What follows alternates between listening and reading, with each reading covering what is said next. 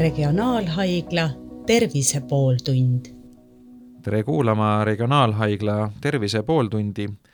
täna on eh, stuudios kardioloogiakeskuse teadusjuht ja ülemarst doktor Margus Viigimaa ja me räägime vererõhust. ilmselt me peaksime vist rääkima kõrgest vererõhust, sest eh, normaalne ja madal vererõhk erilist terviseriski ei, ei kujuta, on see nii? No on küll jaa, ja see kõrge vererõhk on just selline väga salakaval haigus,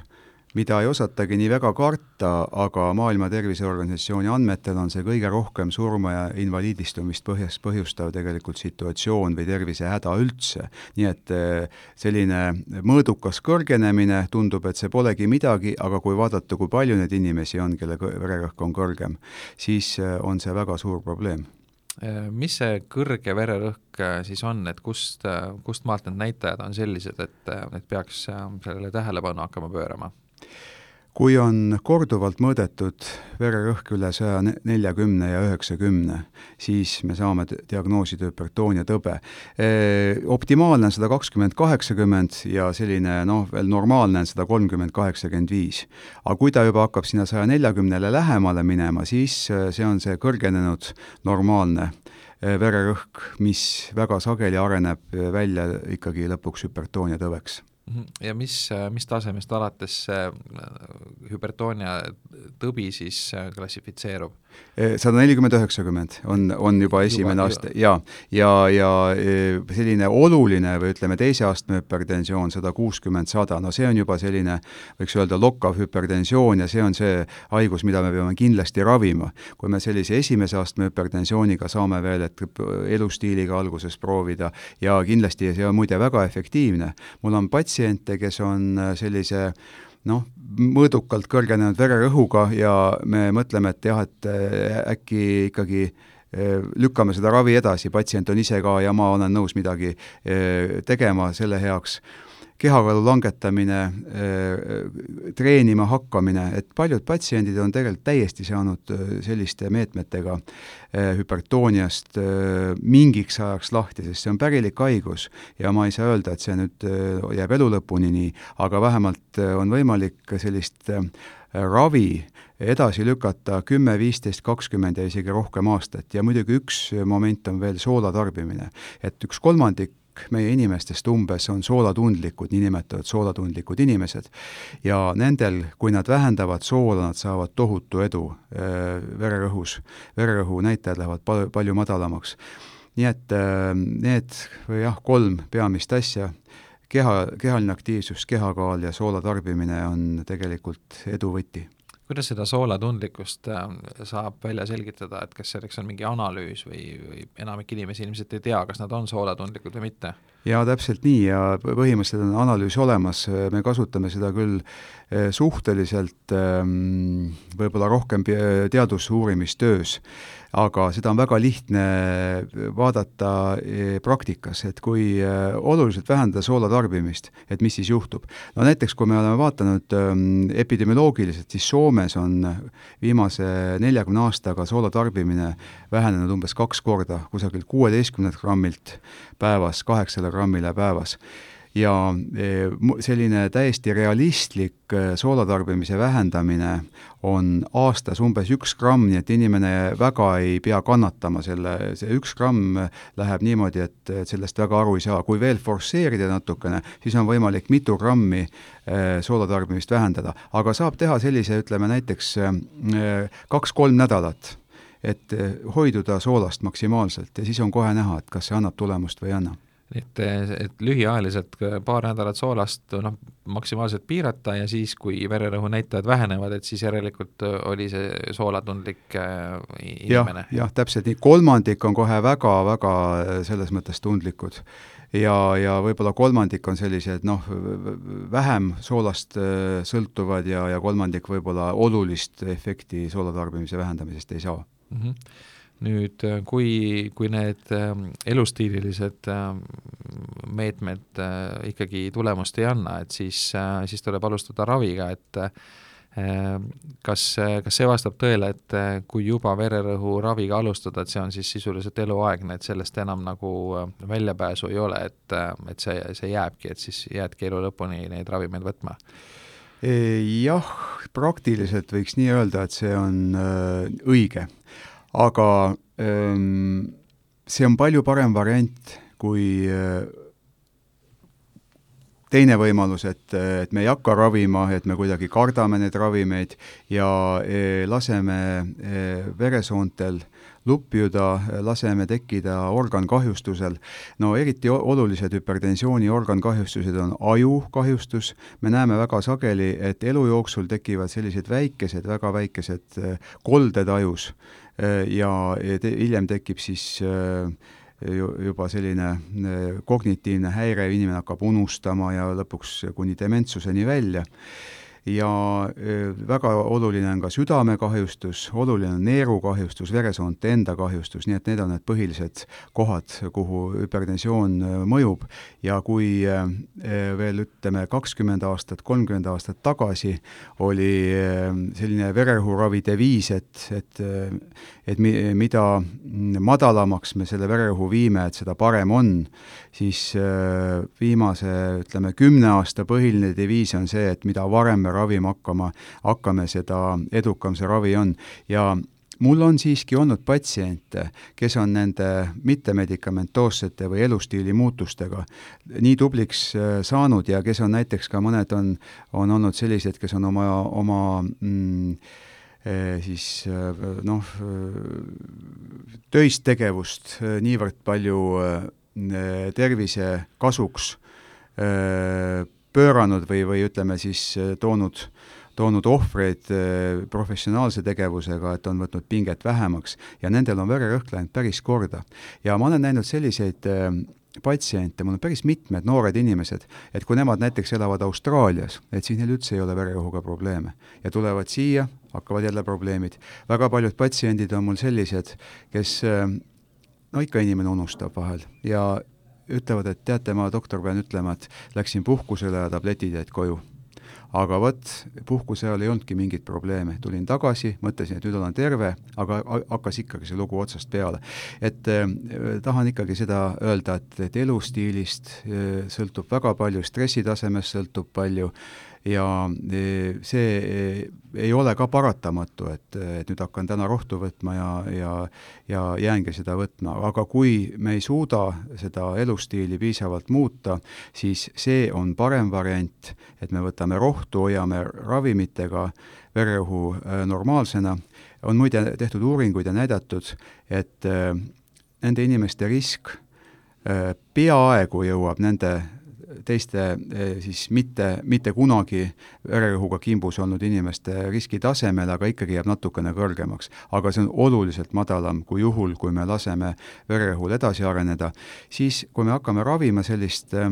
saja seitsme, saja kaheksakümnelist süstoolset rõhku, nagu see sageli on, et siis kui tekivad sümptoomid, tekivad peavalud, vasardamine peas, eh, ajuvereringe häired, et siis on tavaliselt see kulgenud juba eh, mitukümmend aastat. veresooned on juba jõudnud sellega ära harjuda, veresoonesein on, arterite sein on paksuks läinud ja vot siis on väga raske ravida, sellepärast et me saame küll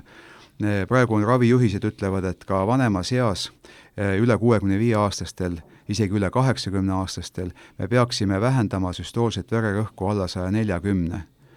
noorematel peaksime vähendama isegi seal saja kolmekümneni. aga see sada nelikümmend on äh, väga raskesti saavutatav, kui on äh, see haigus väga palju käest lastud ja siis äh, esimeste äh, kuudega ja isegi esimeste aastatega peale ravi algust me ei tohigi olla väga agressiivsed, sest inimesed ikkagi on harjunud kõrgema rõhuga. nii et ikkagi, mida varem, seda parem, aga kõige parem ja positiivsem sõnum on see, et saades teada vererõhuhaiguse olulisusest ja see, et, et kui ajuinsuldiga on ta kõige tihedamalt seotud ja ajuinsult on üks väga ebameeldiv haigus oma selliste kaugtagajärgedega, mis, mis kahjustavad tä-, ikkagi täielikult ajufunktsiooni, võivad tuua kaasa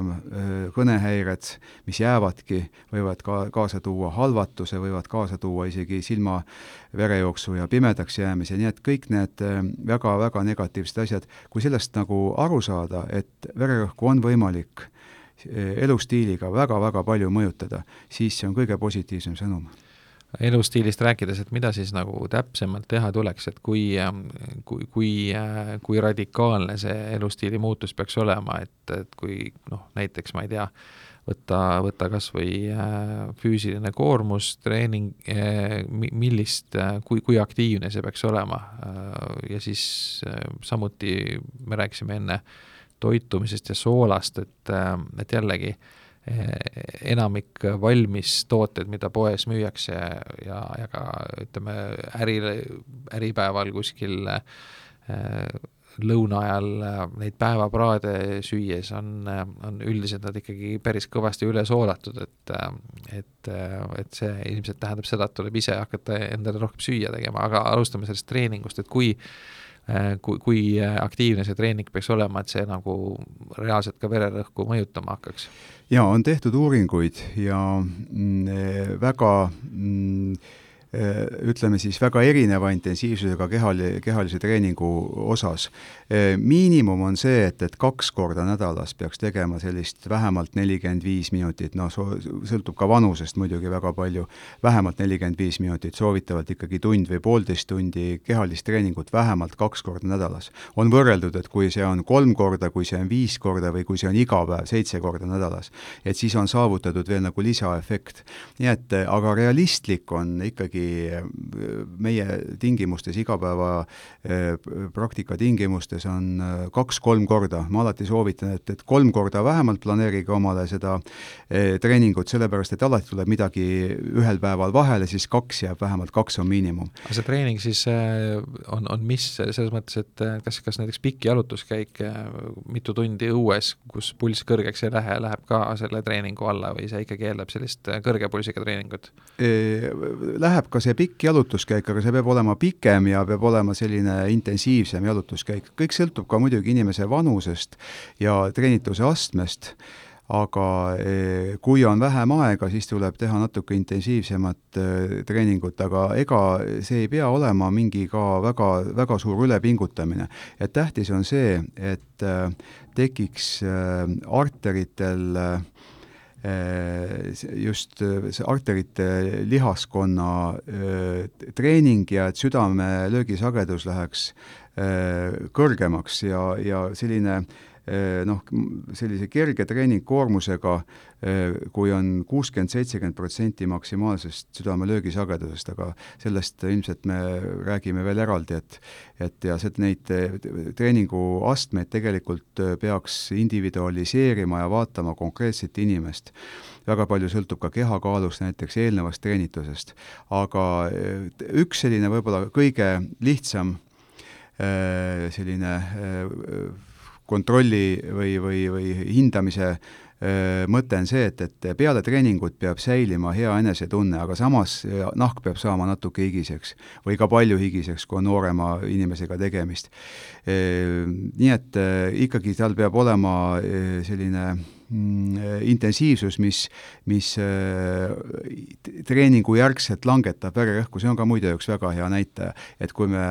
laseme määrata ja paljud inimesed, kes treeningut teevad, määravad ja nad alati ütlevad, et tead, teate, et peale treeningut läksid mul vererõhud palju madalamaks. see näitab, et treening on olnud efektiivne ja, ja see on nagu puhkeperioodis vererõhk peab langema. kui, kui palju peale treeningut seda mõõta tuleks siis? Sest e kohe vahetult on ilmselt veel ju pulss kõrge. jaa, siis kui pulss ta-, taandub ära, siis tavaliselt juba, juba lähiajal, ütleme seal kümne-viieteist minuti pärast vererõhk langeb. kui nüüd pulss jääb kiireks ja vererõhk ei, ei lange ära, siis see näitab, et treening on olnud ülemäärane ja eriti muidugi, kui inimene läheb koju ja on siis rahuolekus, vot siis läheb see pulss ja vererõhk lähevad eriti kenasti madalaks. nii et see on see, mida,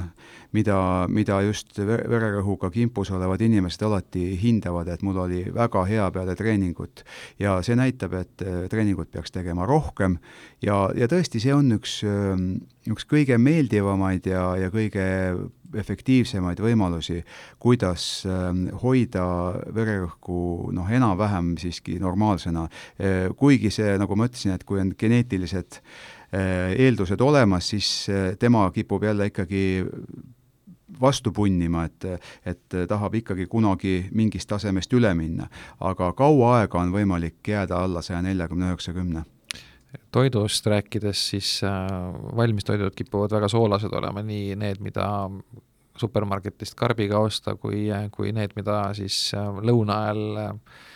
päevaprae nime all müüakse, et, et mis sellega peale hakata? no vot, ühelt poolt on see, et kui inimesed on sellise mm, soolase maitsega harjunud, siis eks toitlustajad teevad ka seda, mis, mis inimesele nagu maitseb. sest kui ikkagi teha lõuna nii-öelda päevapraadi, et siis ta võiks olla tunduvalt vähem soolane, minu arvamus on küll selline, et et minu jaoks ka kõik need toidud on natuke liiga soolased aga kui nüüd nii-öelda töödeldud toitu, see on, töödeldud toit on põhiline soolaallikas ja põhiline probleem. Ja see on, on põhjus, miks ma arvan, arenenud riikides hüpertoonia noh, epideemia ongi ja, ja miks neid ajuinsulte on nii palju. Nii et see soola tarbimine jah, on üks põhiline, aga samas on, on leitud ka mm, paralleeli äh, kolesterooliga, et kolesterooli, kõrge kolesterooli tase kahjustab veresoone seina ja eriti just arterite lõõgastumisvõimet. nii et ühelt poolt äh, kahjustab äh, arterite sisekesta, endoteeli, seal äh, võib kergemini tekkida tromb, seal võib hakata tekkima lupjumine, aga ka arterite lõõgastumine läheb äh, kehvemaks ja kui nüüd kolesteroolitaset vähendada, siis tegelikult ka vererõhk äh, langeb. kui on tegemist hüpertoonikuga, siis on leitud isegi, et selline äh, oluline kolesterooli langus võib vähendada kolm, neli, viis millimeetrit süstoolset vererõhku, mis on päris selline arvestatav. ja muidugi kui me rääkisime treeningust ja, ja toitumisest, siis selle mõlema komponendi äh, Äh, koosmõjul äh, tavaliselt oluliselt kehakaal langeb. Ja kehakaalu langust on äh, jälgitud hüpertoonikutel ja jõutud järeldusele, et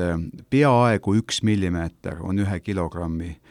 kehakaalu languse hind. Selles mõttes, et me võime kümme millimeetrit elavhõbeda sammast suhteliselt hõlpsasti võtta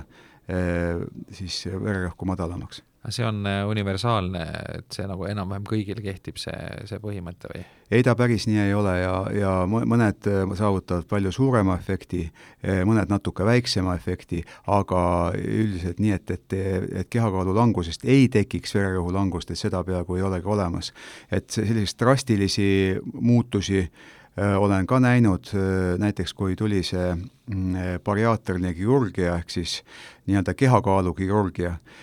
maovähendusoperatsioonid, nagu seda rahvapäraselt öeldakse, et siis mul oli üks patsient, kel oli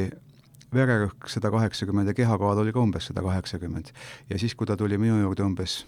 ei olnud aastatki möödas. ja muidugi ma ei tundnud patsienti ära ja tema vererõhk oli saja kaheksakümne asemel ka sada kakskümmend ja tema kaal oli ka kuskil seal natuke üle saja, nii et, et ta oli peaaegu pool kaotanud oma kehakaalus ja tema vererõhk oli sellisest täiesti kriitilisest vererõhust muutunud täiesti normaalseks, kusjuures ta sai saja kaheksakümnese vererõhuga, ta sai ravimeid ja päris äh, pihuga sai ravimeid. aga saja kahekümnese vererõhu juurest enam ei vajanud üldse ravi, nii et kehakaaluga ikkagi on väga tihedalt seotud, ma ei saa öelda, et nüüd see kõikide patsientide kohta samamoodi käib. ja vererõhk ongi selline natuke ka vahel keerulisem haigus, hüpertoonia tõbi, mis on valdavalt kõrge vererõhu põhjus, on äh, selline geneetiline haigus ja pärilik haigus ja tal on väga palju erinevaid, noh, ta ei ole päris ka homogeenne, ta on heterogeenne, seal on ka erinevaid mehhanisme. aga pärast, peale seda on mm, neerukahjustusega hüpertooniatõbi ja vahel on see neerukahjustus hüpertooniatõve alguseks just nimelt ja need, need kulgevad palju raskemini ja teistmoodi, näiteks diabeetikutel on väga raske hüpertensioon, mida on väga raske normi viia. nii et eh, on väga erinevaid liike ja noh, eks meil sellepärast arstidena ongi huvitav, et me saame siiski tänapäeva ravimitega, ma ütleks, et valdavalt me suudame eh, ka need rasked haiged ära ravida, aga mulle muidugi kui ka südametervise kabineti ülemarstile, et mulle meeldib kõige rohkem see situatsioon, kui ma saan selle haiguse pikka aega hoida normis kontrolli all, ilma et ma ravimeid peaksin üldse kasutama. nüüd vererõhk ju päeva jooksul kõigub päris palju ja on olemas ka selline valge kitli hirm või see fenomen, et arsti juures mõõtes on vererõhk oluliselt kõrgem kui, kui näiteks kodus. et et mis, mis, mis seal nagu tähelepanu väärib, et, et, et mi, mi, milline see õige vererõhk on, et kas see, mis on arsti juures mõõdetud närvilises olukorras või see, mis on näiteks kodus äh, rahulikult äh, diivanil istudes mõõdetud äh, öösel ja päeval, see ka kõigub, et, et, et, et kuidas nagu sealt aru saada, et et mm, -hmm. et milline see nagu see normaalne tase seal on? jaa, meil on kolm erinevat äh, liiki mõõtmisi, et äh, need, millel ravijuhised baseeruvad, on kabineti mõõtmised ikkagi, et kui inimene on rahulikult istunud vähemalt viis minutit ja siis määratakse arsti juures vererõhk. aga see on natukene kõrgem, seal on see vererõhuhaiguse normi piir, nagu ma enne ütlesin, ka sada nelikümmend, üheksakümmend. kodumõõtmistel on see viis ühikut madalam, just selle tõttu, et seal on vähem stressi, sada kolmkümmend viis, kaheksakümmend viis. ja kui me teeme nüüd ööpäevase vererõhu monitooringu, kui patsiendil on kakskümmend neli tundi aparaat eh, peal, ka öö ajal, siis on äh, selliseks piiriks sada kolmkümmend, kaheksakümmend ja öösel on ta veel oluliselt madalam ja sealt me saame väga palju lisainformatsiooni, et kui äh, öösel vererõhk ei ole madalam, mõnedele isegi on kõrgem neerukahjustuse korral näiteks, et siis veresooned ei saa üldse puhata ja neil on äh, tunduvalt kiiremini arenevad kahjustused välja. nii et nende kodumõõtmiste osa võib-olla viimaste arusaamade järgi üldse hüpertensiooni maailmas on tõusnud järjest suuremaks ja just selle valge kitli fenomeni pärast. et äh, osadel inimestel ikkagi see arstikartus või kuidagi isegi mitte ainult arstikartus, aga kui tehakse mingit uuringut, uuringu ajal määratakse vererõhku või kui ta juba haiglasse läheb, siis on tal oluliselt kõrgem vererõhk ja seal on kaks aspekti, ühelt poolt neid inimesi ei soov-, ei noh, öeldakse, et neid ei ole mõtet üle ravida, et kui tal kodus on korras ja arsti juures kõrge, et siis me ei peaks kohe ravima hakkama. aga neid tuleb väga tähelepanelikult jälgida, sest uuringud näitavad, et lähema viie või hiljemalt kümne aasta jooksul e, paljudel neist areneb välja tegelikult tõeline hüpertoonia tõbi, mida me peame siis juba ravima hakkama mm. -hmm nüüd kas kõrge vererõhk, on, on seal ka mingeid sümptomeid, mida, mida see annab, et väga sageli on ju niimoodi, et inimene ise ei saa arugi, et tal on kõrge vererõhk, sest tal tegelikult see tunda ei anna. et, et kuidas seda aru saada, et, et millal see enesetunne nüüd vererõhu tõttu hakkab halvemaks minema? jah, ega see vererõhk on selline salakaaval haigus, et ta kulgeb täiesti hiilivalt ja inimene tunneb ennast aeglaselt arenenud kõrgvererõhutõve tingimustes, kui seda ei ole mõjustama hakatud, saja kuuekümne, saja juures veel päris hästi. isegi tal ei pruugi mitte mingisuguseid kaebusi olla ja kui me siis hakkame ravima, vot siis ta tunneb, et ei olegi nii hea ja võib-olla see polegi minu jaoks. paljud ütlevad, et jah, et, et minu, minu vererõhk ongi minu kehale nagu omane ja ja mul oli isal ka kõrgem vererõhk ja et ei olegi mingit probleemi. see ongi tegelikult äh, huvitav küsimus, et, et kas nii võib ka olla, et kõrge vererõhk ongi nagu omane, et see tegelikult ei, ei, ei, ei tekitagi kahjustusi ja inimene võibki pikalt ja kvaliteetselt elada kõrge vererõhuga? ei ole, sellepärast et ähm, ega need arterid on ikkagi ette nähtud teatud vererõhu jaoks, mis, mis meile siis äh, meie hapnikku ja, ja toitained äh, lihastesse ja aiu ja igale poole kohale toovad.